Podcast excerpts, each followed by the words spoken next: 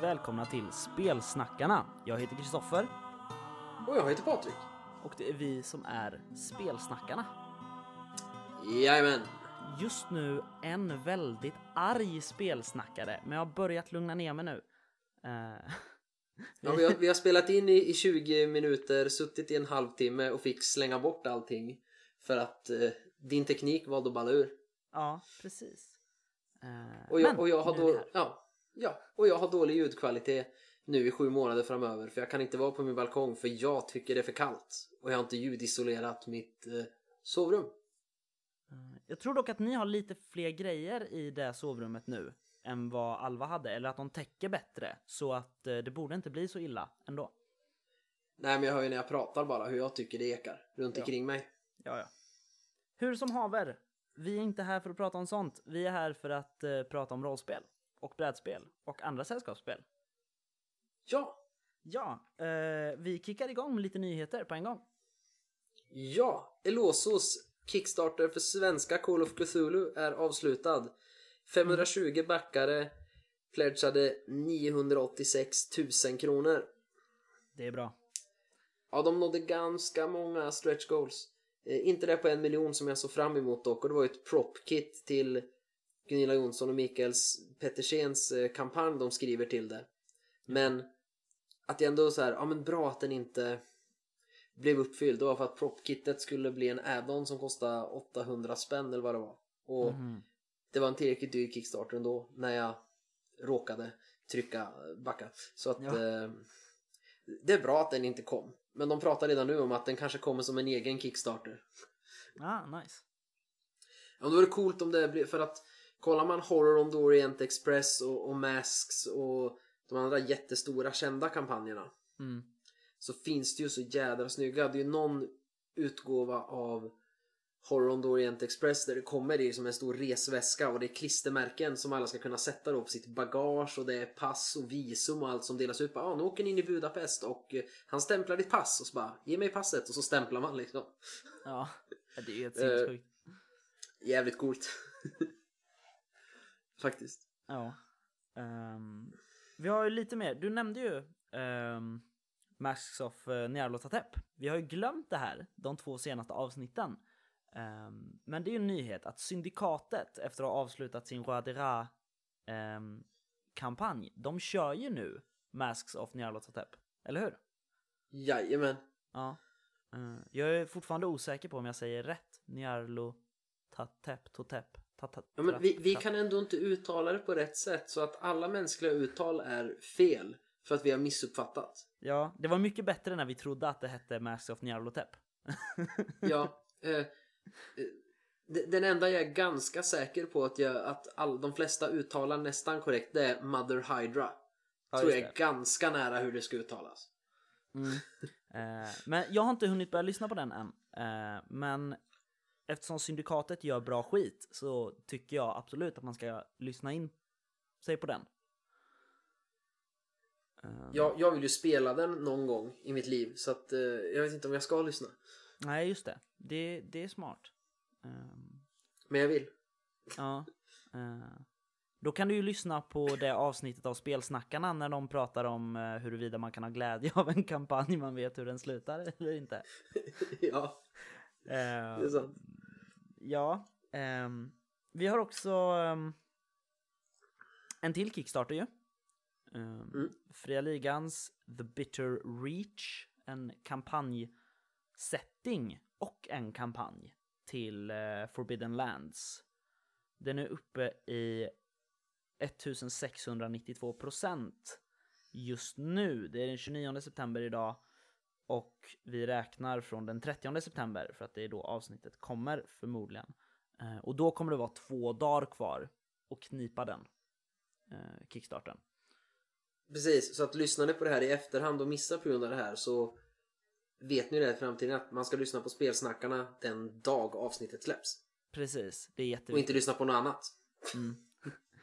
Ehm, det, de är ju inne på sin tredje vända stretch goals. De släppte ju 10 stretch goals först. Ehm, upp till en miljon. Sen släppte de fem stretch goals efter det. upp till en och en halv miljon och sen släppte de ytterligare fem. Nej, fyra, fem blir det. Eh, upp till två miljoner. Ehm, och den sista är ju den häftigaste för att det är ju en kortlek med artefakter, vapen, mounts. Liksom, som en liknande som eh, är med i, ja vad heter det, alltså kortmodulen, liksom kortsättet. Precis. Och det vill man ju ha. Jag älskar kort i rollspel. Det är en av de bästa grejerna som har hänt svenska rollspel, skulle jag säga. Det och när spelskapare faktiskt stoppar i tärningar och rollformulär i sina boxar när de väljer Ja. att släppa box. Precis. Eh, För det är ganska roligt med Forbidden Lands-boxen. Det ligger två böcker och en karta i men det ligger inte rollformulär och det ligger inte tärningar utan man kan köpa det officiella tärningssättet separat. Så varför ge ut en box istället för två böcker? det här har vi ju gnällt om i cirka alla avsnitt sen Forbidden Lands Jo, kom. ungefär. men jag är glad för jag, jag har ju lyckats till... Jag kommer inte ihåg vilken, men det var någon... Elysium var det. Då fick jag dem liksom att hallå, lägg till rollformulär. För den hade de inte gjort än som add-on som man kunde lägga till. Och Call of Cthulhu hade de inte gjort heller. Så då startade jag diskussionen på Call of Cthulhu Sverige på Facebook och så svarade Björn och bara men är det verkligen fler som skulle vilja lägga pengar på rollformulär om ni inte har fått se en bild hur de ser ut? Och folk bara ja. Och så la han upp så man kunde lägga till rollformulär. Mm. Eh, För det bör ingå. Ja, jag gjorde ju samma i, um, i Erebaltor kickstarten. Ehm, och skrev det. Vi, vi, vi kan inte, ni kan inte ha dealen liksom, vi lägger i tre rollformulär i boxen. Det går inte. Det är så jävla waste är det. För att jag behöver fler. Eh, gör ett block. Och de gör det ju väldigt bra för att de kostar typ, kostar de inte så här 50 spänn styck i kickstarten? Jo, till Call of Cthulhu kostar de 150 tror jag var, eller om det var 125. Mm. Men det, det är ju vad det är, men det var 50 stycken Ja, just det. 30 och då är det ett bra pris. Mm. För jag, jag vill inte hålla på, det känns nu med den här digitaliseringen med pdf och sånt här att man är tonåring igen. Man springer på biblioteket och kopierar upp gamla rollformulär för att man spelade spel som var out of production sedan 20 år tillbaks. Ja. Nu är man tillbaks där. Jag vill ha ett schysst block. Jag med. Och jag vill kunna springa in på affären också.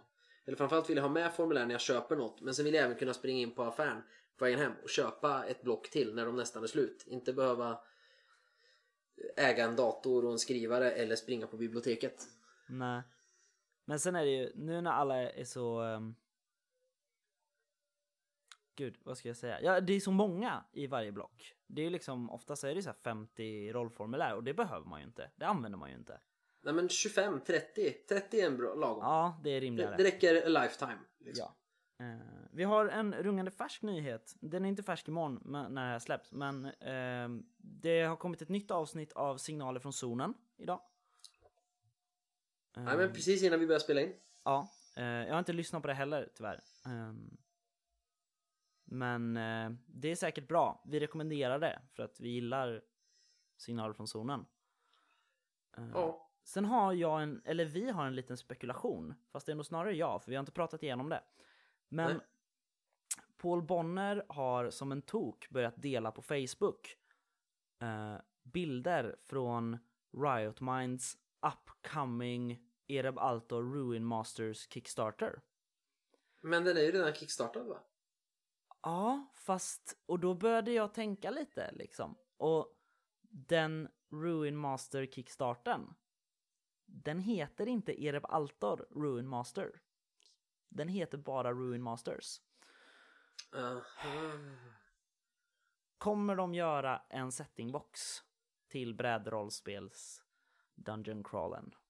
Eller inte? när de har minst tre produkter som är försenade som de jobbar på som inte kommer komma ut i tid. Ja, precis. Ehm, Mm. Troligen. Så vi- får se vad, vad som händer där, men det var en intressant grej att det är såhär, okej, det händer någonting. Ehm, Mm. Också glädjande, boxens omslag blir det gamla omslaget. Eh, ju, som vi pratade om, av eh, Jesper Eising och eh, Even Amundsen. Det här coola Mm. med drakriddarna som eh, spöar skiten ur någon jävla Dark Lord. Ja, men tyvärr så är det ju fortfarande stavning med C istället för K som det var från början. Ja, ja, på själva namnet ja. Eh, Mm. Men jag menar, jag, jag gillade den bilden bättre. Ja, än, bilden eh, är snyggare än den andra de visade upp. eh, jag skulle tro att det är för att de använder den till Ruin Masters och inte Ja. vill göra två exakt likadana boxar.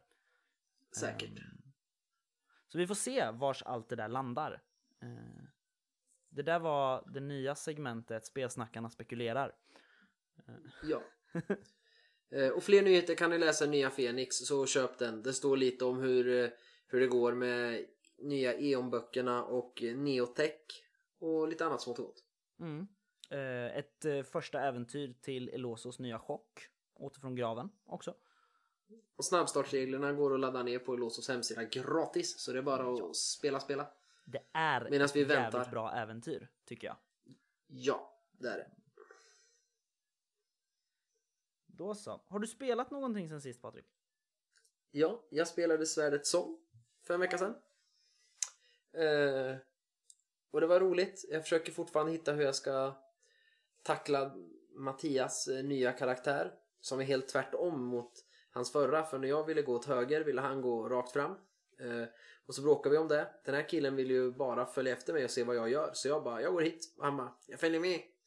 Och det är skönt. För jag kan utforska allt jag vill. Samtidigt som det är lite tråkigt. Det blir inget, inget bråk. Nej. Vi ska se, jag håller på att fila lite. Jag vet inte riktigt heller vad Mattias har för intentioner med Bark. Det kan ju vara så att han faktiskt visst har en agenda, bara att du inte vet det. Ehm, Ja, så. och sen är jag lite sugen, jag ska slänga in lite grejer där han faktiskt måste ta lite ställning just för att se. Jag är väldigt nyfiken på karaktären liksom. ja. Ehm. Vad håller han på med? Precis, så det kan bli intressant. Det får vi se i framtiden. Ja. Eh, sen har jag spelat ett scenario Arkham Horror Card Game Mhm. med mig själv. Yes. Eh, och idag hade jag en fantastisk upplevelse. Mhm.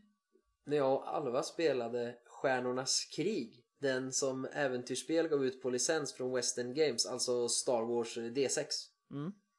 Svenska har vi spelat. Introäventyret eh, och vad är det det heter?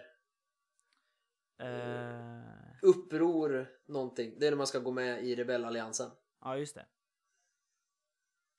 Det har vi spelat och hon, sex år, tyckte att det var ett enkelt system.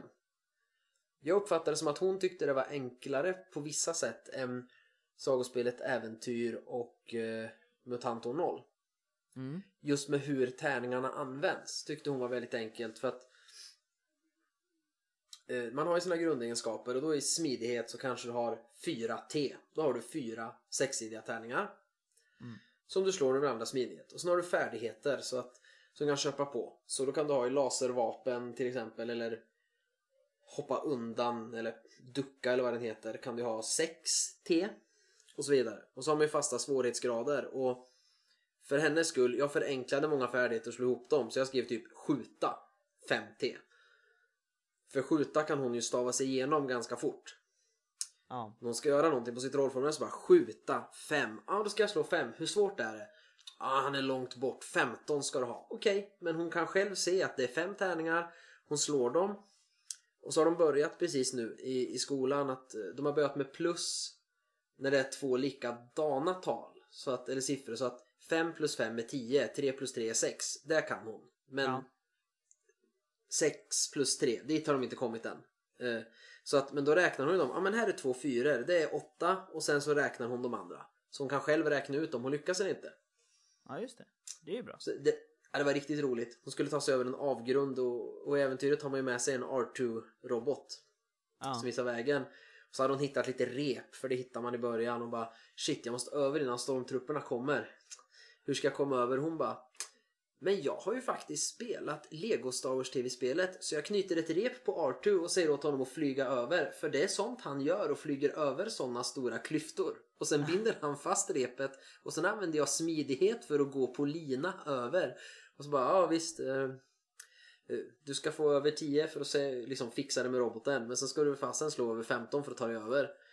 Och så slår hon eh, fyra tärningar och eh, får fem på allihop. Så hon bara, ah, jag går balansgång över, det ser snyggt ut. och så fortsatte hon. Nice. så det var riktigt roligt faktiskt. Ja, det förstår jag. Eh, där måste jag åka till biblioteket och kopiera rollformulär. Ja, För alla som var i boxen var ju skrivna på, men som tack var jag med blyert så jag måste sudda bort bara på de som är lättast att sudda på och sen kopiera. just det. Ehm, Sen har jag inte spelat något mer. Vad har du spelat sen sist? Ja du, jag har ju spelat Svärdets sång. Mm. Det börjar ju hända grejer nu alltså.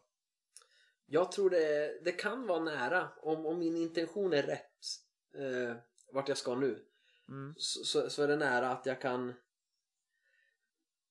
så att säga göra upp med the big bad guy. Men jag har gjort en allians här som, som Bark, Mattias karaktär, inte vet om. Och jag är lite orolig för den så att jag försöker fortfarande hitta något sätt att double-crossa han som jag tror ska double-crossa mig. Även om han inte gör det, då är jag bara ett, ass. Men jag känner på mig att han är, han är skum den där snubben. Så att eh, han kommer lura mig, därför ska jag lura honom först. Ja. Nej men det, det är kul. Jag som spelledare är det ju kul att få testa. Nu har vi ju verkligen börjat använda det här med fästets funktioner och så. Ehm, Ja. Och ni håller på och bygger grejer och ni anställer nya tjänare och sådär. Ehm, och jag har ju suttit och räknat ut sen när den dag kommer när de kommer vilja ha cash istället. Ehm, Mm. Eller mer konkret, vi nöjer oss inte med att bara, ja men ni får mat om ni hjälper till här. Ehm, utan, ja fast vi vill ha mat till det här värdet. Mm. Liksom. Jag, Ehm, jag är kluven till det här fästesystemet i Svärdets sång. mhm. I MUTANT år 0 så funkar det skitbra det här med arken. Mm. För att där är hela din överlevnad central. Du kommer dö annars utan arken. Och det är där många liksom intriger och sånt startar. Jo. Och, och de finns där och det är som ett nav. Det är inte det här fästet på samma sätt. Nej. eh, upplever jag. Och därför tycker jag att ja, men jag ska stå där och slå tärning och läsa om projekt och jag ska ge lön till folk. Det tar bara tid från mitt questande för det är ju resa runt och upptäcka saker som är hela grejen med svärdets sång. Ehm, För mig i alla fall. Ja, i Eh. fästeskapitlet så uppmanar de ju liksom, det är klart ni kan ha fler fästen, man kan äga en borg här, man kan ha en borg här, man kan ha en liten fiskestuga här. Liksom. Ja. Så att det finns ändå stöd för att man fortfarande ska hålla igång sitt, sina resor. Jo. Liksom. Jo, men för jag, jag är väldigt så här att eh, nej, jag, jag, jag tycker egentligen inte om att vi är där och det tar en massa tid så, så, som spelare utan jag vill ju fram, vidare, göra shit liksom. Så att jag är lite så här, jag vill bara så här, okej men alla pengar jag hittar de kastar jag på någon borgmästare jag har utsett här och så bygger han vad fan han vill och fixar. Så säger jag fokusera på matproduktion tack och sen så drar jag så kommer jag tillbaka efter fem månader. Han bara, "Ja, pengarna är slut. Ja men ta in skatt då. Här har du mer pengar jag har hittat. Ja. Så länge liksom, typ. Ja. Även om det- det är bra regler och sånt men för mig de tar udden av det jag egentligen vill göra i Svärdets sång. Men i MUTANT eh, eller i Coriolis för all del med skeppet. Fast där är det inte alls lika uttalat och samma meta på det men men det funkar där och i MUTANT funkar det jättebra. Mm. Men jag tycker inte att det är samma sak i Svärdets sång. Det, jag hade gärna spelat utan fästesreglerna och bara ni, har ett, ni köper ett hus i den här byn. Punkt. Och så har man ett hus. Eh, om jag skulle göra en kampanj själv. I, eller Mm. alltså köra, spela en kampanj. Hade jag Ja. nog gjort något sånt istället. Mm. ja, vi får se vart det tar vägen.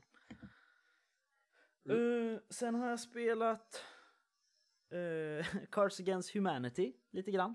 Eh, roligt, smidigt partyspel liksom. Men inte så mycket mer att säga om det egentligen. Ehm, jag har spelat Dungeons and Dragons och nu börjar det verkligen hända shit där alltså. Coolt. Eh, vi hade vår, vår ehm, ja vad blir det, femte spelare, David, har ju kommit hem från Tyskland nu eh, och ska då komma in i kampanjen igen. Ehm, så David var med på det här spelmötet, för vi är på, vi är på ett tåg. ehm, på väg till en annan stad där vi ska fucka upp en massa grejer.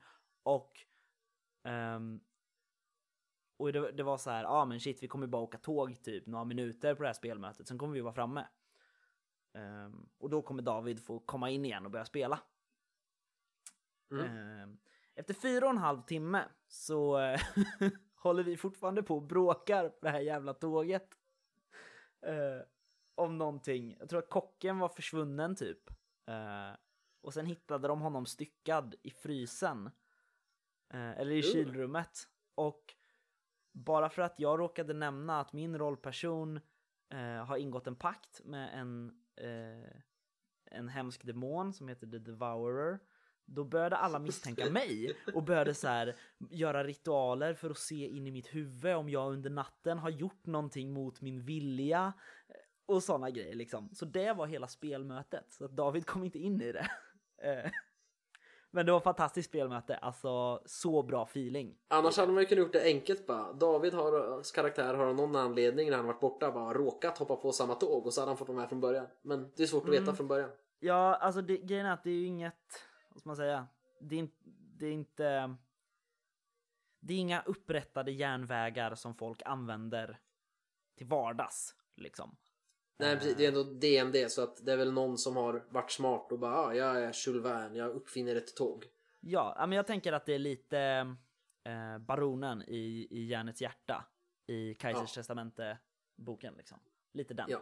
Ehm, så det har jag spelat. Och sen häromdagen så spelade jag spelmöte 2, eller jag spelade spelmöte 2 i Genlab Alpha. Ehm, flykten från paradiset. Coolt. Eh, helt fantastiskt, jättebra stämning. Eh, vi var en spelare kort och tog in en ersättare. Men eh, det var inga problem. Det var synd att vi inte var alla i liksom ursprungsgruppen. Men det var väldigt, väldigt roligt ändå. Eh, och det börjar verkligen hända saker där. Utan att säga för mycket liksom, om kampanjen så kan man säga att eh, de har behövt gå runt lite i Paradisdalen och snacka med lite folk. Och de har träffat en eh, cool eh, snubbe i en helikopter. Ja fast det var länge sedan. Ja. Redan i spelmöte 1 hände det. Mm. Nu är vi i eh, det som i kampanjen kallas för fas 2. Ah. Vi Oj, är det är alldeles... Ja, vi är snart i slutskedet av fas 2 till och med. Så på nästa spelmöte kommer jag att sömlöst gå in i ehm, fas 3. Men det låter som när jag och Alva spelade. På, på två timmar så hade hon typ gått och pratat med alla revir och samlat ihop allierade för att eh, hon är ju verkligen inte så att det sidequestas. Man får verkligen putta så här bara Ja, han står där, han, han har en kaffebryggare och, men inget kaffe och han gråter och stirrar på sin tomma kaffekopp. Vad har du i din ryggsäck? "Eh, Ett paket kaffe. Mm, kan man kanske göra något med det? Vill du ha kaffe? Ja, han tar ditt kaffe, bla bla, ni gör affärer, du får det här. Bra, färdigt. Ja, just det. liksom. Eh, Nej, det här var väldigt mycket... eh, Ersättningsrollpersonen var en eh, samlare med en kundvagn. Ja. Han slog väldigt ofta på samla och bara jag vill hitta något användbart. När de typ ja, men, skulle bada liksom. Eh, och bara, Och så bara, du har en flotte. nej men han, han drog upp en uh, uppblåsbar rosa flamingo. Eh, och så efter några slag på förstå sig på så bara ja du fattar att du måste fylla den här med någonting liksom. Eh, ja och så började de åka med den. det är asballt Ja. verkligen. ja. Ehm, har jag spelat något mer? Inte vad jag vet, eller inte vad jag minns. Nej. Men det är Har du tillräckligt. skrivit, har du skrivit något sen sist? Nej, ingenting. Um, Oj. jo, hisspitchar på eh, Mörka Regimen. Mm. Har du skrivit Till- något sen sist? till folk. Eh, ja, jag har skrivit klart eh, mitt spel Heroes of the 80s. Ja, yeah. cool. Eh, som jag gjorde till 200 Word RPG Challenge. Eh, just nu är det på för många ord dock och det närmar sig. Och det, jag vill göra mer med det så att det var skitbra att bestämma sig för att vara med. Och skriva något till det. För då skrev jag ju klart någonting. Men jag funderar på att skita i och försöka banta ner det liksom. För att för att kunna vara med i tävlingen utan jag kanske utökar det istället till 2, 3, A4 och gör något mer med det. Nu när jag upptäckt mer jag skulle vilja göra. Just det. Men i grunden så är det klart. Så att det kanske inte kommer med i tävlingen. Utan jag kanske fokuserar på att göra, om, göra det större istället. Ja. Eh, så det är roligt. sen satt jag, var det i förrgår, och skulle gå in och göra det man inte ska, korrekturläsa mig själv. Eh, eh, och börja nedifrån i mörka regimen och gå uppåt eftersom vi har fått hjälp på typ första tredjedelen kom det massa kommentarer när vi första dagen så här la upp det för korrektur och sen var det typ tyst. Ingen av dem som som sa att ja, men det här kan vara kul har, har gjort mer och det kan ju olika skäl så att jag skulle göra det själv. Och då läser jag att det är en ganska häftig scen i, i kampanj i metaplotten i slutet som ska utspela sig på Buckingham Palace. Kanske, Ja. om man vill. Och då bara shit, vi behöver en karta över det här. Och då eh, har jag försökt övertala min fru för hon ritar helt okej faktiskt, ganska snygga rollspelskartor så, över interiör. Eh, så då har jag börjat eh, kolla upp, läsa vad vi har skrivit så jag sket i korrar där. Där jag läste bara okej de här rummen, så här ska det vara. Och sen har jag googlat fram bilder på Buckingham Palace exteriört för att se hur det är format liksom. Och så har jag börjat skissa upp då. Skisser för hur hon ska rita kartan. Just det. Mm. Nice. Eh, Sen har jag inte skrivit eller skissat något mer. nej, däremot har vi varit lite administrativa senaste veckan. Ja. Eh, vi har ju eh, försökt ta oss i kragen, så vi har ju hört av oss till lite olika personer. Vi har skickat en synopsis och regelsystemet i korthet och vår vision av hur produkten ska se ut till Helmgast har vi gjort. Mm. Ehm, och så har vi pratat med Molly som har gjort de illustrationer vi har och sagt att vi vill ha fler. Ehm, vi ska, im- imorgon ska jag tydligt skriva till henne att det är det här vi vill ha just nu. ja. Det är den här listan som vi vill att du gör. Precis. Det. och sen så har jag varit, nu kommer jag inte ihåg vad de heter. Eh, Megaton. precis, Megaton. Ehm, det är eh, contact established men inte used kan man säga. Jag har, jag har inte tagit tag i det och skrivit den liksom. Men eh, men vi ska det. De väntar på att De- du skriver. Ja, de väntar på att jag ska höra av mig. Ehm, så det, ja, det händer lite saker nu bakom kulisserna. Eh, och sen är, ju- är ju grabbarna på Bläckfisk eh, riktiga hjältar och har sagt att de kan inte riktigt gå in i produktionen nu eftersom de är så småskaliga fortfarande. Men om vi bestämmer oss för att göra det själva så har vi frågor om hur man gör saker så får vi höra av oss så kommer de hjälpa oss så gott de kan. Och det är ju fantastiskt och jag är jättetacksam över det. Det är jag också. Ehm, Det är schysst. det, är, det är riktigt schysst och det, mm, det, det är den bilden eller det, det är de tankarna jag tror att man eller jag tycker att man ska gå i om man är liksom rollspelskonstruktör.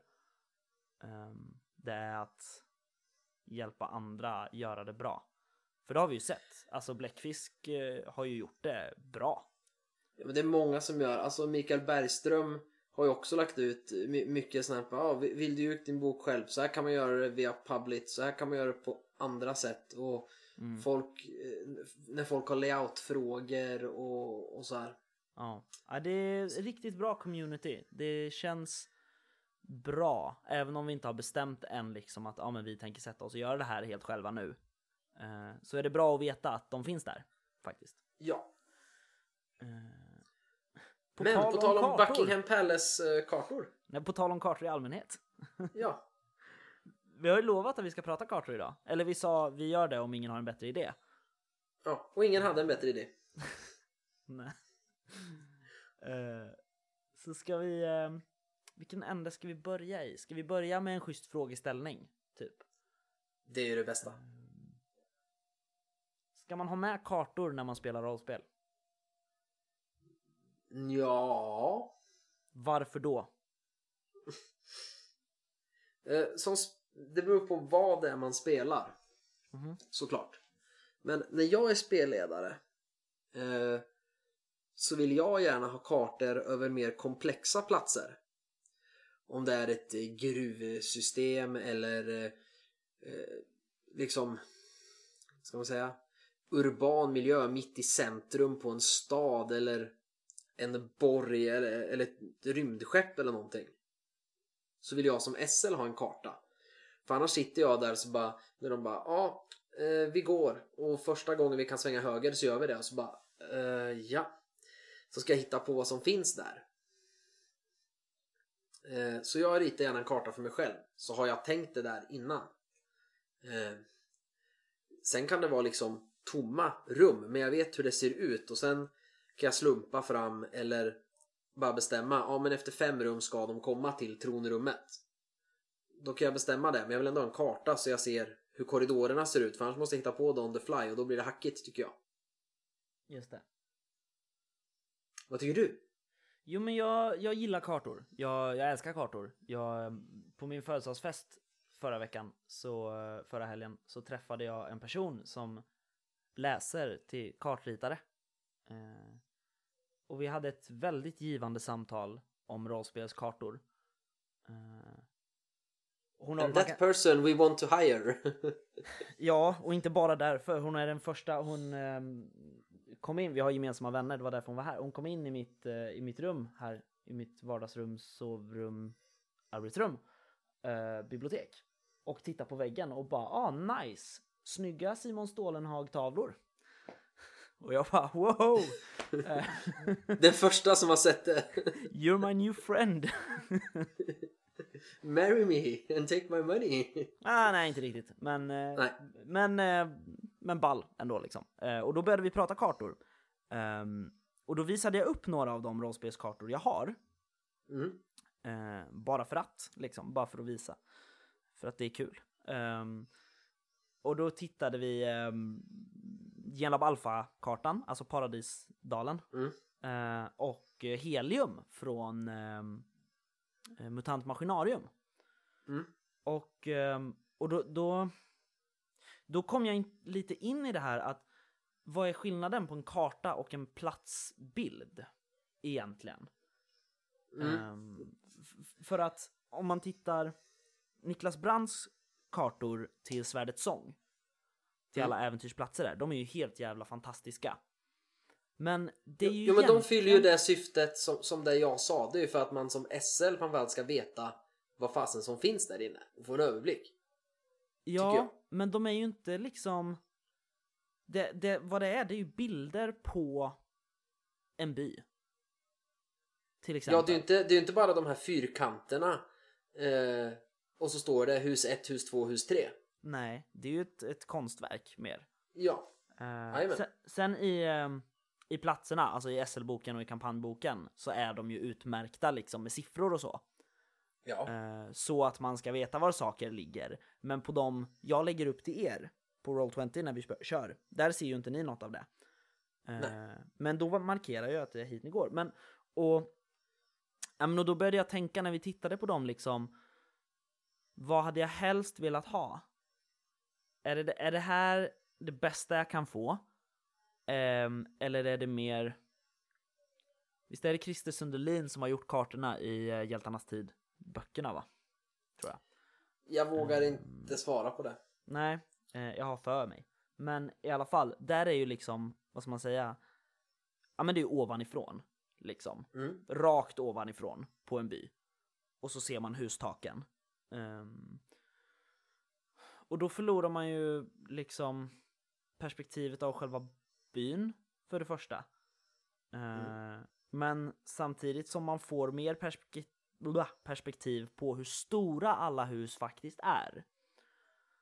Ehm, så på något sätt känner jag att jag vill vara mellan Niklas Brandts konstnärliga eh, porträtt av städer och byar och alltså blueprints liksom, floorplans.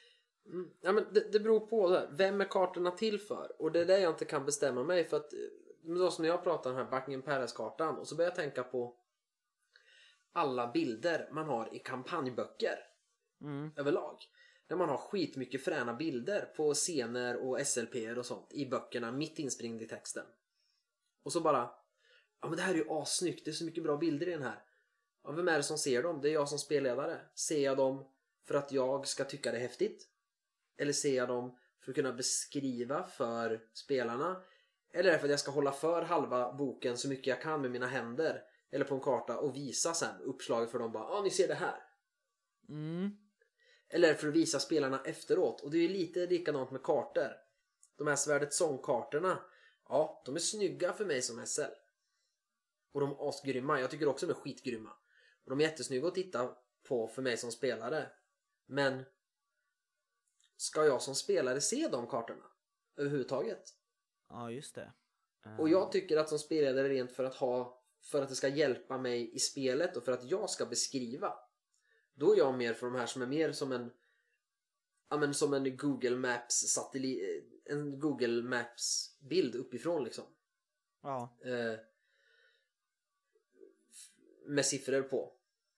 Samtidigt som vissa av dem, den här gruvan vi var i, alltså Lumbragruvorna, den är viktig att ha med berget i genomskärning för att se nivåskillnader och sånt där som spelledare så att man är med på vart de tar sig och här borde jag säga att golvet lutar och, och sådär. Mm. Det, det, det känns som att det glider in lite i det här, det, det beror på hur man spelar. Precis som allt annat vi pratar om, så beror det på hur man spelar om man ska ha kartor till för alla eller inte. Ja, jag är väldigt kluven. Jag tycker egentligen inte om spelarkartor. Nej. Eh, om det inte... Det beror ju för sig på... Ja, men... Gud, vad ska jag ta? Ja, men vi tar från verkligheten. Eh, eh, eller vi tar inte alls det. Jag, eh, jag bor ju i Boden. Men Ja. vi bestämmer oss för att spela en kampanj. I, I nutid bara vad som helst. Jag är lagerjobbare eller vad som helst. Eh, men jag bor i centrala Göteborg och utspelar sig kampanjen. Mm. Då bör ju jag få den här, en karta över centrala Göteborg. För precis som här i Boden, jag vet ju om någon säger vi ses utanför ICA. Då vet ju jag om man hittar till ICA. Precis. Eh, och jag vet ju, jag har ingen karta men jag vet ju vart det ligger. Och jag vet hur man hittar till grillplatsen i skogen. Eh, och det är likadant om vi spelar Drakar och Demoner. Om jag bor i den här byn, jag vet ju hur man hittar till sjön, jag vet hur man hittar till bäcken och jag vet hur man hittar till det bästa stället i skogen och sätta upp sina kaninfällor. Som Ja. heter Kaninstigen. Och då bör jag ju få en karta när vi börjar över den omgivning jag förväntas baserat på vart jag har växt upp. Den bör spelarna få. Eftersom spelarna känner inte till hur den terrängen ser ut. Men rollpersonerna gör det. Och då simulerar man att man vet det genom att ge dem en karta. En hyfsat detaljerad karta. Mm. Över det område de förväntas känna till. Men det här när man ibland säger bara ah, när spelarna går ner i gruvan då får de den här kartan. Så bara, Varför då? Vart köpte de den? Nej men den får ni av mig så ni kan navigera.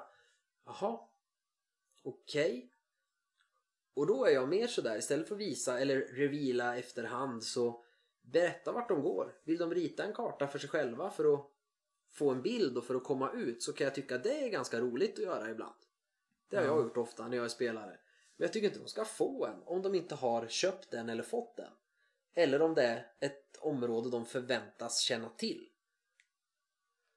Tycker jag. Nej, alltså det, jag, jag är inte riktigt med dig. Jag förstår vad du menar. Ja. Eh, men det är ju som sagt det här med, med det beror på hur man spelar och hur man är spelledare och så. Att hur tacklar jag situationen de befinner sig i? Ehm, liksom, som vi säger, ja men vi tar eh, kartor som exempel, är bättre än det andra jag tänkte ta, som är tufft. Eh, för det är kartor vi pratar om. Eh, men Ja. säg att vi använder byn Kumleklint från Svärdets sång. Ja. Eh, då står det ju mellan att jag berättar hela kartan basically när ni kommer in i byn och säger rakt framför er ser ni det här och så liksom beskriver jag hur jag ser kartan som ligger framför mig. Ehm, eller så gör man det, ja det blir, ju, det blir ju lite som att man använder det som ett figurspel. Att man lägger ut kartan istället och säger ni står här och ni tittar hitåt. Det här är vad ni ser runt omkring. Liksom. Um, och det... På ett sätt är det mycket lättare för att då, om jag bara beskriver, då ska spelare säga, ah, vad, vad, vad var det för hus sa du? Hur såg det ut? Det där huset jag ser precis framför mig, en och en halv meter framför mina ögon. Hur, hur såg det ut? Jag kommer inte ihåg vad du sa. Um, eller om jag lägger upp en karta och de, ja, ah, men det här jättestora huset som är precis framför mig. Jag går fram och knackar på den där stora dörren som är där. Förstår du hur jag menar? Ja, jag vill hellre som spelare eh, och som spelledare då, att det, att det beskrivs hur det ser ut precis där jag kommer in i byn. Och sen när jag går runt, ah, jag letar efter hovslagaren. Ja, ah, men han är här borta, ni, säger någon, ni går dit. Sen mm. när ni har varit där en stund och gått runt i byn, även om jag inte beskriver allt.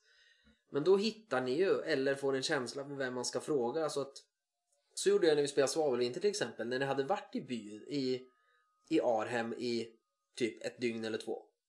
Då ja. fick ni kartan. Ja, just det. För att då har ni familiarized yourself med, med den terrängen och då får ni kartan så ni slipper fråga hela tiden att vart låg det där värdshuset igen? Ja men ni vet ju det, ni har varit där 30 gånger, här har ni kartan, nu kan ni gå. liksom. Jo, det är Så sant. jag är lite, jag, jag gillar det mer. Mm. För att även om jag Ja men och, och ibland missar man ju saker. Man kanske inte går runt i hela byn på två minuter som man får en karta. Men sen är ju det också, det går ju simulera, alltså vi spelar ju ett spel så Jo. Men jag, jag, nej, jag är lite Jag älskade att få kartor och göra kartor till mina spelare för att ge dem coola kartor för men jag När jag är spelare, jag vill helst inte ha någon karta. Nej.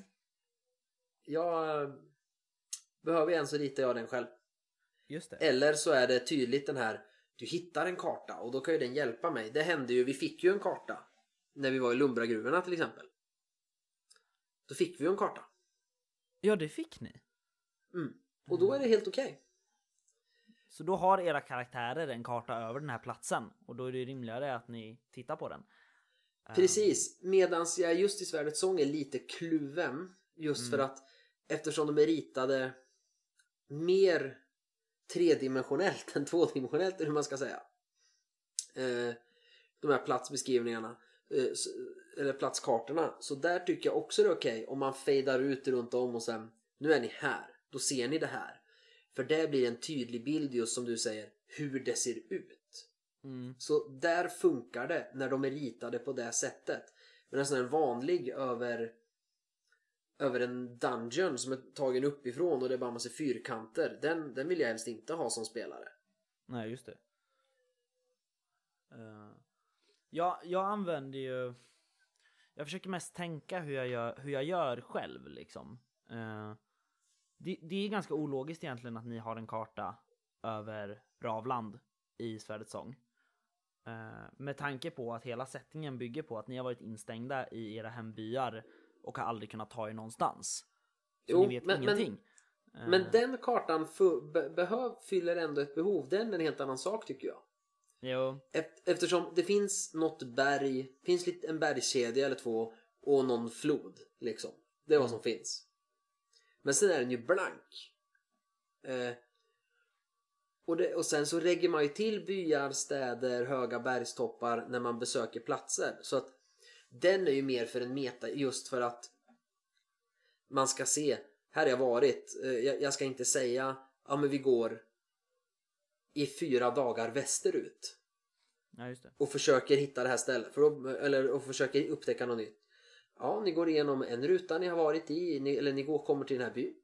Ja, men då svänger vi vänster. Ja, då kommer ni till den här byn som ni också har varit i åtta gånger. Mm. Så går man runt, så den fyller syftet, här har jag varit.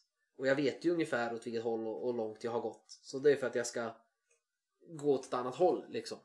Ja. Eller åt samma håll. Eh. Den är, den är lite mittemellan kan man säga den kartan. Med tanke på att man hela tiden fyller på med vad är det jag vet. Ja men precis, så de, den funkar. De, mm. Där funkar den. Så nu låter det som jag har världens dubbelmoral och det har jag för jag är svensk men eh,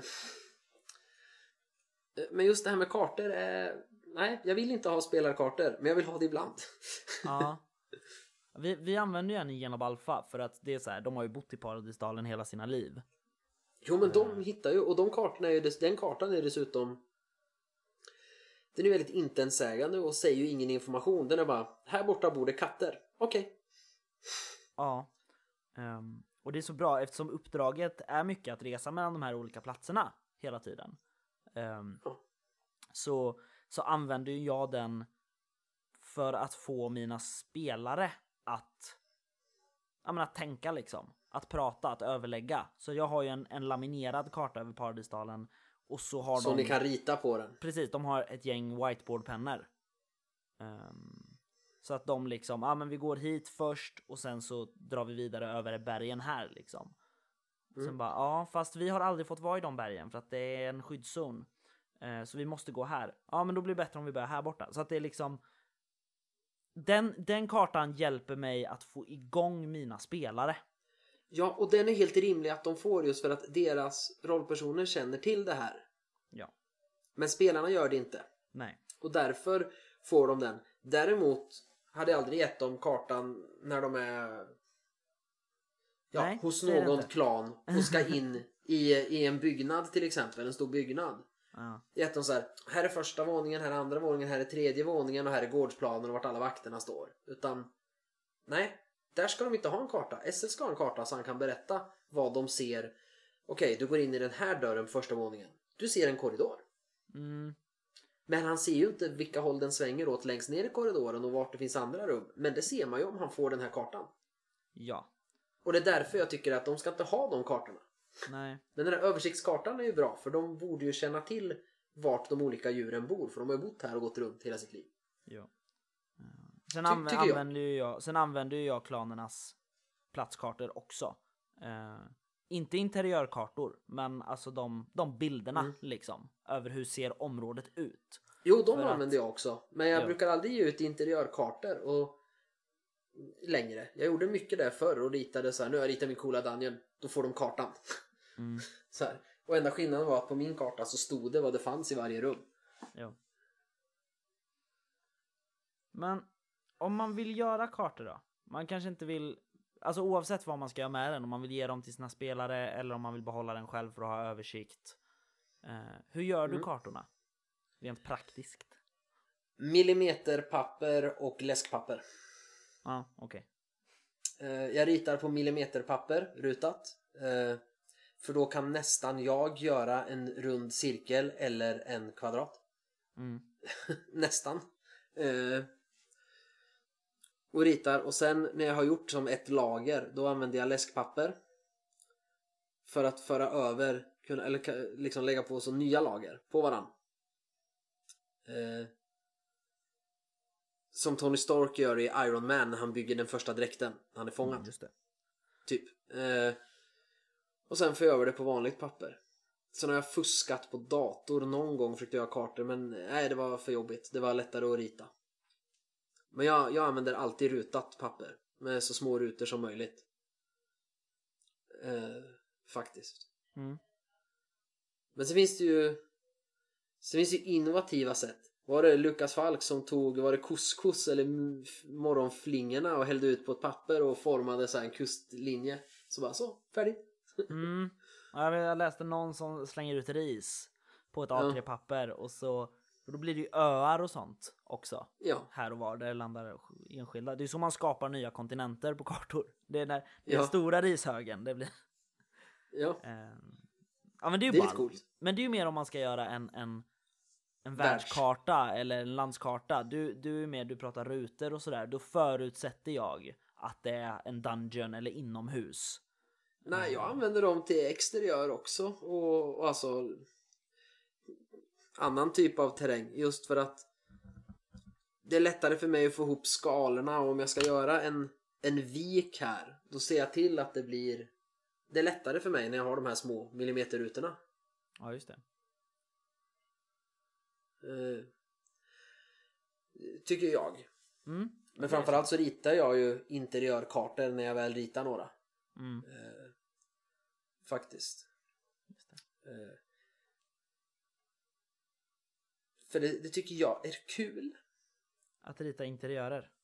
Ja. Hur gör du när du ritar kartor? Eh, Det är lite olika faktiskt. Jag, ehm, jag, jag skissar ju väldigt mycket eh, hela tiden egentligen på kartor. Alltså dungeons eller hus eller städer. Alltså det är alltid någonting som är på gång när jag har penna och papper framför mig.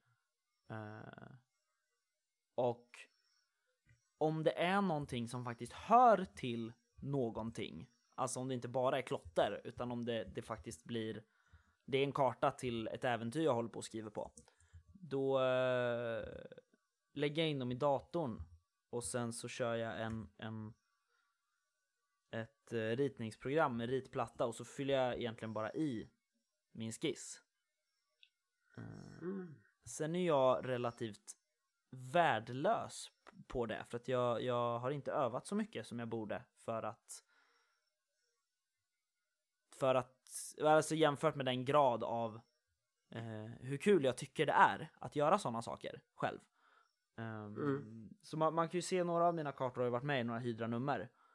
Um, det, det är med, ja vad heter den nu då?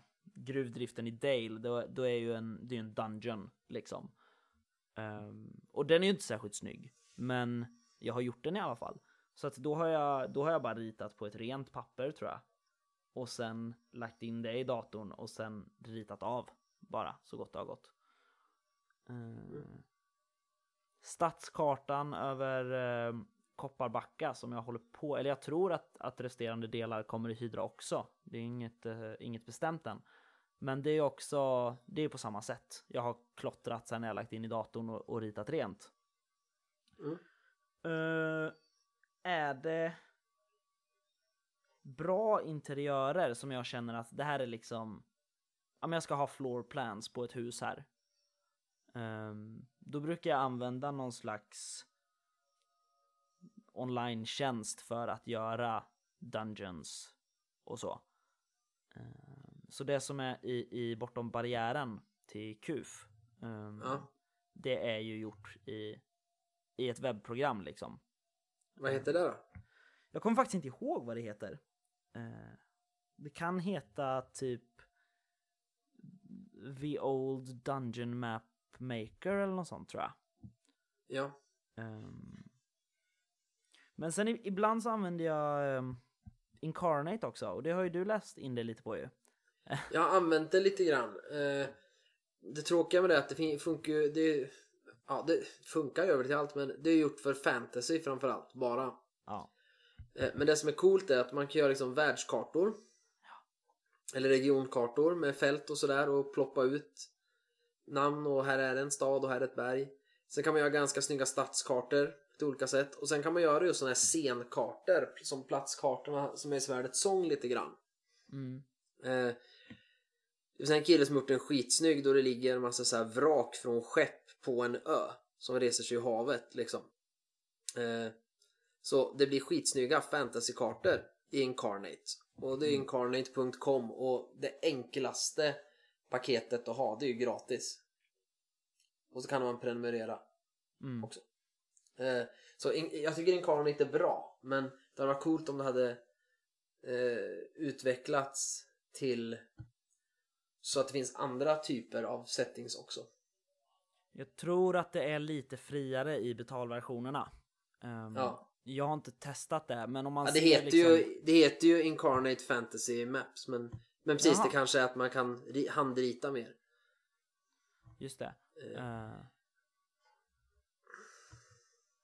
Ja, eh, det, det finns ju... Jag har ju också använt det, som du säger. Jag har gjort det till en äventyrsplats jag har lagt in i Svärdets sång-kampanjen. Ja. Ehm, Det, ja, visst har ni sett den kartan? För ni var där och red förbi va? vad var det för ställe? Uh, Njalmönja. Ja. Mm. Ehm, den är ju gjord i, i Incarnate och det är så här. Ja men vad ska man säga, jag fick känslan av att det är verkligen, jag gör verkligen en karta till Svärdets sång. Ja men precis för att man kan Det finns liksom verktygen att göra sådana platskartor för det. Ja, och det är ju inte, ja hur funkar det? det? Det är väl en helt blå botten va? Och sen så fyller man i med, med landlager hur man nu vill ha det. Eh, Ja men precis och så Och- byggs det upp eh, konturlinjerna och precis, sådär. och så sätter du ju, ut objekt eller så. Liksom. ja precis, det är färdiga byggnader. Ja men alltså er bykarta, alltså till ert fäste. Ja, Den är ju också gjord i Incarnate. Kom jag på. ja, Ehm, men då finns det ju bestämda byggnader liksom. Det är väldigt smidigt att slänga ihop en karta där. ja.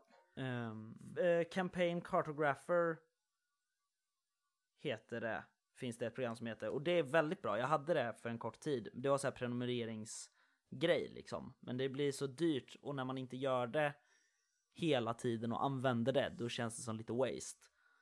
Eh, men, men... Det, det, finns många olika kartprogram där ute i alla fall. Och det mm. finns gratisprogram också. Jag har laddat ner något jättegammalt så här, DOS-program för länge, länge, länge sedan. Och skulle ja. rita kartor. Men om vi, nu, nu pratar vi ju ganska mycket om hur man liksom gör bra kartor. Vad finns det för program för att göra snygga kartor? Om man inte liksom handritar. Eh, är det tråkigt att få en, en snabb karta? Om SL säger ja ah, vänta jag ska fixa en karta och sen två minuter senare så får man ett papper med fyra streck på och lite ringar och pilar. Är det tråkigt? Nej. Nej.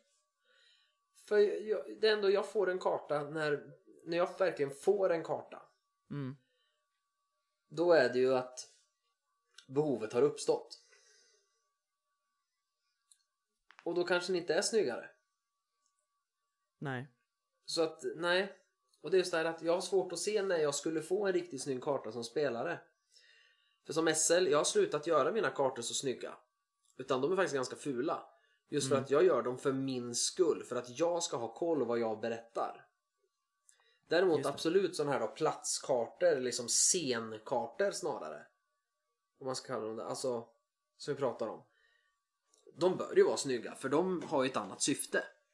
Mm. Lite grann. Eh, men eh, nej, kom jag in i en by, jag har varit där i sen en vecka och så bara, ja men här har ni en karta över byn så att ni slipper fråga hela tiden vart det där stället låg och, och sådär. Jo. Och ni vet vart det finns lediga hus och så. Ja. Mm. Nej, då ritar jag upp en. Där huset inte alls är en rektangel för det är helt fel mått och det är snett och vint men det finns alla 38 husen inom en ful palissad. Ja, just det. Så att de får känsla för ungefär.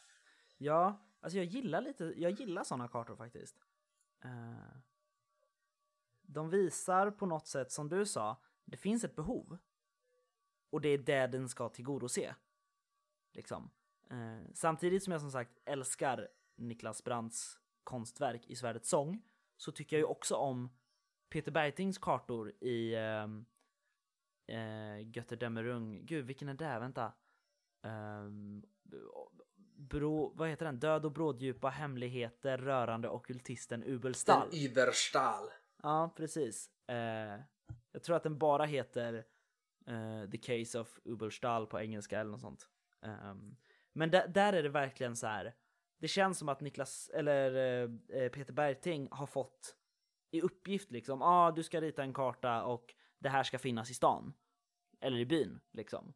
Och så känns det som att man har kommit hem till honom när han har sagt ah, jag har en skiss, vad tycker ni om den? Den har de bara joink, den tar vi. Uh, och jag tycker att det är fantastiskt snyggt i just det spelet. Liksom. För att det känns verkligen som sagt att behovet är att man ska ha en översikt över staden. Och det behovet tillgodoser den här kartan. Um, ja. Medan Svärdets sång ju bygger på att visa upp en massa balla rollspelsillustrationer. För att det var det som var spelets uppkomst. Ja. Um, och då känns det som att då ska det banne mig läggas mer krut på miljökartorna. Ja, men, men fortfarande, vem är de till för? Måste man ställa sig. För jag har ju blivit helt nojig över det här sen jag började här med kartorna. Mm. Inför det här också. Och bara... Varför, för vem har jag den här bilden? Den här asgrymma bilden slash kartan.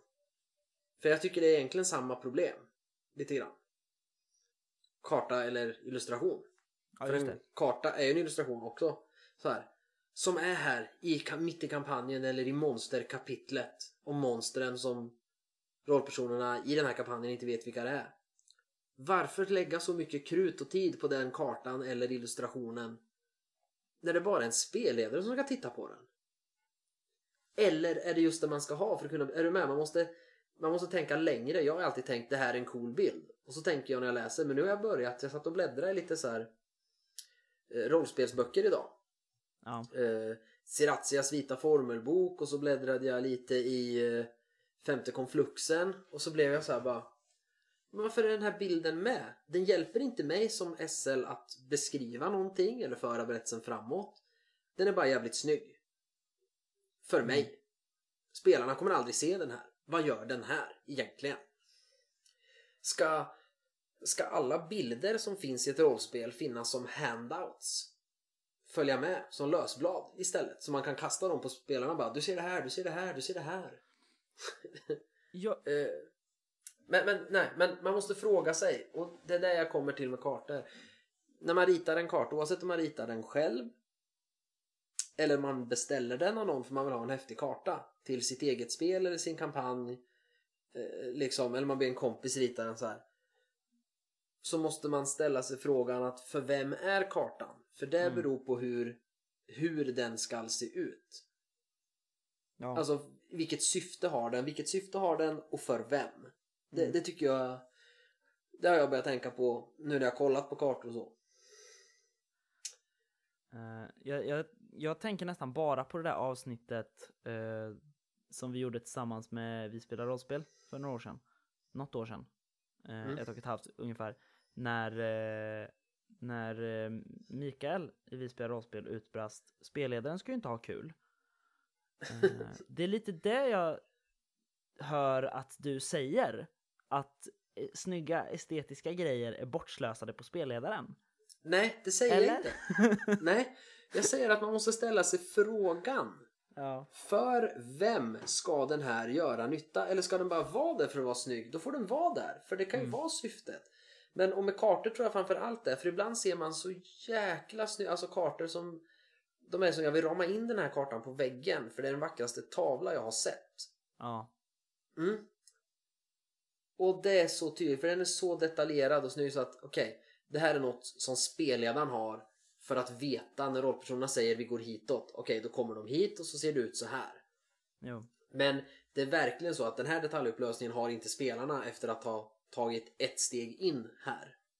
Så de ska inte ha den här kartan. Det är lite så här, varför har man gjort den så otroligt himla snygg? Var det värt liksom 20 timmar jobb och sen färgläggning och alla de pengarna att få den coola kartan? För att SL ska titta på den? Eller hade den kunnat vara mer schematisk och svartvit? Och så hade man sen istället gjort en asnygg så här översiktskarta över landet där ni bor som ni har rest om. Som inte är över alla platser men liksom grova drag. Här ligger Jönköping och här ligger Uppsala. Liksom. Är du med? Den kunde varit mycket snyggare. Mm. Så alla får ta del av den. Men jag säger inte att det måste vara så. Jag säger bara att man ska fundera. Tror jag. Vi ska bara våga ifrågasätta lite. Mm, ja, ifrågasätt. Eh, jo, nej men det låter rimligt. Jag hör vad du säger. Eh, jag, jag har nog bara inte, inte tänkt på det så. Jag har väldigt sällan funderat på eh, men pff, varför är den här bilden här? Det var det jag, vill, jag ville komma till förut. Jag ville återgå till ehm, till ehm, Gud, vad heter den? Eh, Nordholmia. Mm. Eh, och, och då som sagt, eh, i, inte, det är ingen spoiler, ni kan vara lugna liksom, ni som inte har läst MUA. Eh, bilden på baronen. Liksom. Eh, I äventyret i järn, järnets hjärta. Det är liksom, jag har aldrig frågat mig vad den gör där. Jag har bara tittat på den och tänkt wow. Eh, Och det kanske är syftet. Att spelledaren som läser den ska känna åh wow. Ja, nej men det är det jag menar liksom. Måste man ställa sig frågan vad en illustration eller en karta har för syfte när man läser? Eller är det Nej, men- konstruktörens jobb att ställa sig de frågorna? Jo men det är ju konstruktören jag menar som ska ställa sig frågan när man gör Mm. det. Mm, det. Det är det jag är ute efter för att om den bilden syfte inte hade varit att du skulle säga åh wow snygg bild så här ska jag beskriva jag vet precis hur han ser ut och hans karaktär bara av att titta på bilden. mm, Utan om det hade varit en streckgubbe istället mm, med en hatt på. Så att den inte hade gjort det. Men syftet var fortfarande att du ska säga wow. Men då hade den ju inte gjort det. Eller hur? nej. Då hade inte du sagt wow. nej, jag tror Så inte att Den är asgrym, men tänk om syftet inte är att du ska säga wow. Syftet kanske är ett helt annat. Då är det ju, den är ju misslyckad även om den är snygg och fick dig att säga wow. Eller den är inte misslyckad för du sa ju wow men... Är, är du med på vad jag menar? Vart lägger man krutet? Jo, Och varför? jo så är det. Men jag, Jag, jag kan känna lite så, särskilt med så här begränsad budget. Okej, jag har 10 000 att lägga på illustrationer. Ja, jag tar alla i den här kampanjmodulen. Inge, en illustration får spelarna i sitt göra rollpersonkapitel. Mm. Liksom. Eh, alltså jag tror att nu kommer vi till det igen. Jag tror att syftet, syftet uppnås inte. Eh, oavsett vad du hade, jag tror vi, alltså oavsett vad, vad, ja, inte konstruktören, men vad formgivaren har haft för intentioner med Ja. att placera saker här eh, i just, ja men i spelledarkapitlet eller var som helst eller som en handout och explicit skrivit det här är en handout. Eh, Ja. Så får den ju inte sitt syfte förrän den möter spelgruppen.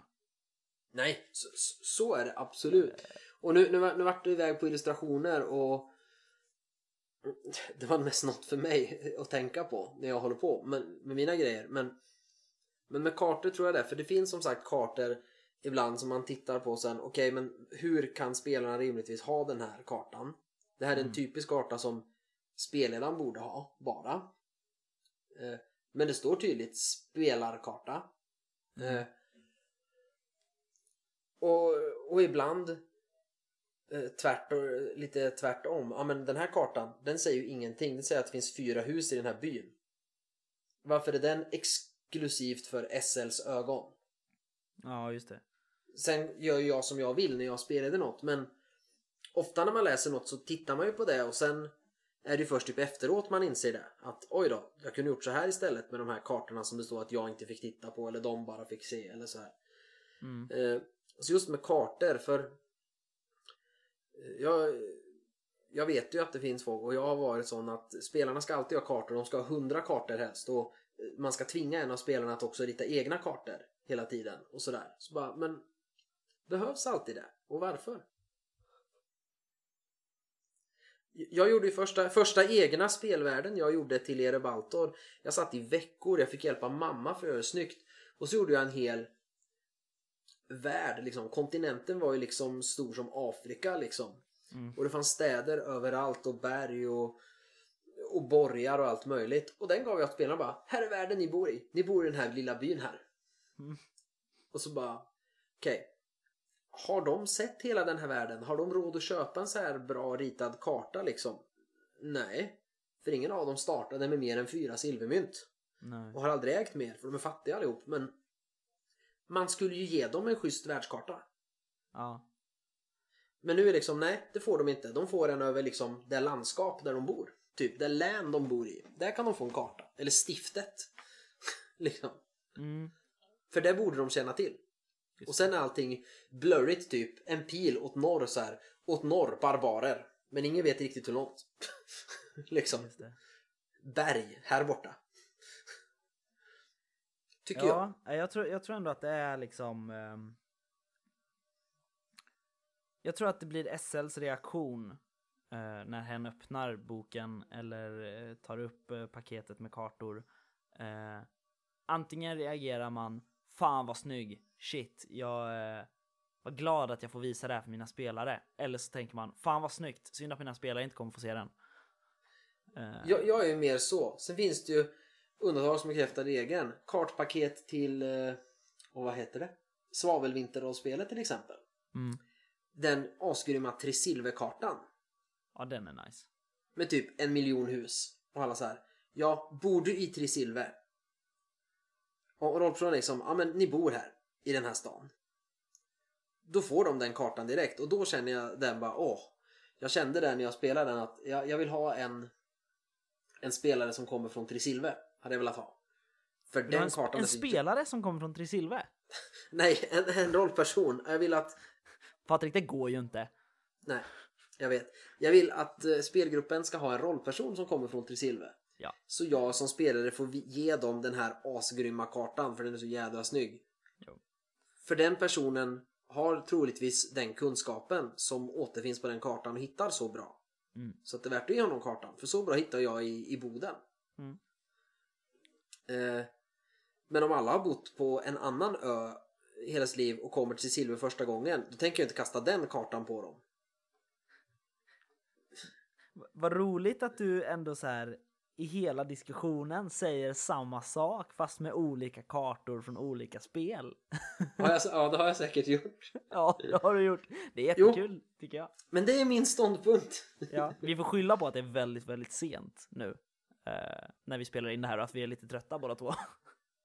ja. Eh, ja, men som sagt, eh, svaret, vad var frågan vi ställde? Ska man ha kartor? Var det va? Ja. Eller varför ska man ha kartor? Eh, vi kan svara på båda. Ska man ha kartor? Ja, om man vill.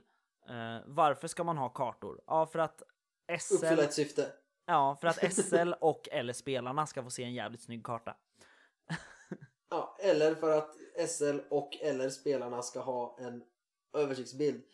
Ja. Och är det krångliga miljöer med många olika platser och sånt så tycker jag absolut att SL ska ha en karta. Ja. Ja, bra sagt. Eh, jag tänkte ta upp något nu. Jo, eh, du menar typ som eh, kartan över Ysetyr? Den ska ingen människa någonsin titta på. eh, jo, jag tror vi har sågat den va, i Riot Mind specialerna. Eh, ja. Men det är ju som vi säger, alltså ju mer man tittar på den kartan desto mer förvirrad blir man. ja. Jag ritade ju om den helt, eller ritade jag om. Jag tror jag tog något gammalt Drakar och Demoner-äventyr bara, ah, här finns en trollkarl i, ett torn och så tog jag typ den kartan. Nice. För mig själv. Och så ja. skrev, jag, skrev jag bara om liksom, här är det här rummet. Ja. Ja, nej, vi får se. Det ska bli eh, intressant i de spelgrupper jag är med i vad jag får för kartor framöver faktiskt. Eller hur det handskas överlag. Mm. Um, och nu vet du vad jag tycker om att få kartor när vi fortsätter i Svärdets sång. ja, eh, jag tror jag kommer fortsätta köra med översiktskartorna faktiskt. Um, du behöver inte titta på den om du inte vill. Nej. Uh, det, det, är ju, det är ju faktiskt bara kartorna vi använder Roll20 till. Egentligen. Uh, ja, och så pratar vi där, men vi hade lika gärna kunnat göra det på Discord och annat. Jo, men vi kan ju prata där och du kan ju stänga ner internet. Jo, men jag har en stor fördel av Roll20. Mm -hmm. Och det är att min, även om jag inte ser er, att jag har min webbkamera igång i bild mm. hela tiden. Även oavsett vilken karta jag tittar på. För att när jag ska spela Nargasvorg och för att få till rösten och, och det och tänket, för jag tappar den annars ibland. Det är att när jag tittar på mig själv, ser mig i webbkameran och tittar på mig själv och så gör jag hela tiden så ansiktsuttrycken när han säger någonting och jag rör på kroppen och så här, det säkert jättetöntigt ut för er och jag blir så här lång i ansiktet och tuggar på mustaschen och så här. Men det får mig att gå in i min karaktär och få till den här rösten och tänket. Och när han ser så där dum ut ibland. Eller så här smart ut fast smart dum. Då känner jag mig så och då blir liksom tonfallet så. Så att den hjälper mig att spela min matematiskt skitsmarta men socialt inkompetenta ors. Ja. Good for you. Ja, men, men det, det är ju fördelen med Roll20. Karta och att jag samtidigt kan se mig på webcamen. Ja. Uh, shit, det var inte så mycket stickspår idag. Istället så börjar du på ett helt nytt ämne precis i slutet. Det är fan, det är fan bra. Är det? Bra jobbat. Uh, ja. Nu vill jag prata webbkameror och att se sig ja. själv medan man spelar. Ja, sen vet jag inte om vi kom fram till något vettigt. Jag sa som sagt samma sak hundra gånger och nämnde massa olika kartor. Men man kan rita kartor om man vill digitalt eller på millimeterpapper eller på ritplatta. Och ibland kan man ändra sätt att göra kartor på, som till exempel i Leviathan. Uh, I de flesta så är det ju liksom digitalt gjorda floorplans, men i uh, Svart Svan är det handritade floorplans. Mm. Så man kan göra olika ibland. Eller så kan man göra som Helmgast gjorde och återanvända kartorna från Svarta Madonnan eh, från 91 till nya Svarta Madonnan. Man kan göra lite hur man vill med kartor. ja, det kan man. Um, och vill man oss någonting så kan man ju höra av sig på Facebook på ja, facebook.com spelsnackarna. Eller så kan man skriva då. Ja, man får ju höra av sig hur man vill. på Facebook. Man kan skriva på Messenger eller kommentera i en tråd eller så. Eh, eller så kan man mejla oss på spelsnackarna gmail.com. Ja. Eh, så vi eh, gör en macka, ritar lite kartor och så hörs vi om två veckor. Det gör vi. Hej då Kristoffer. Hej då Patrik!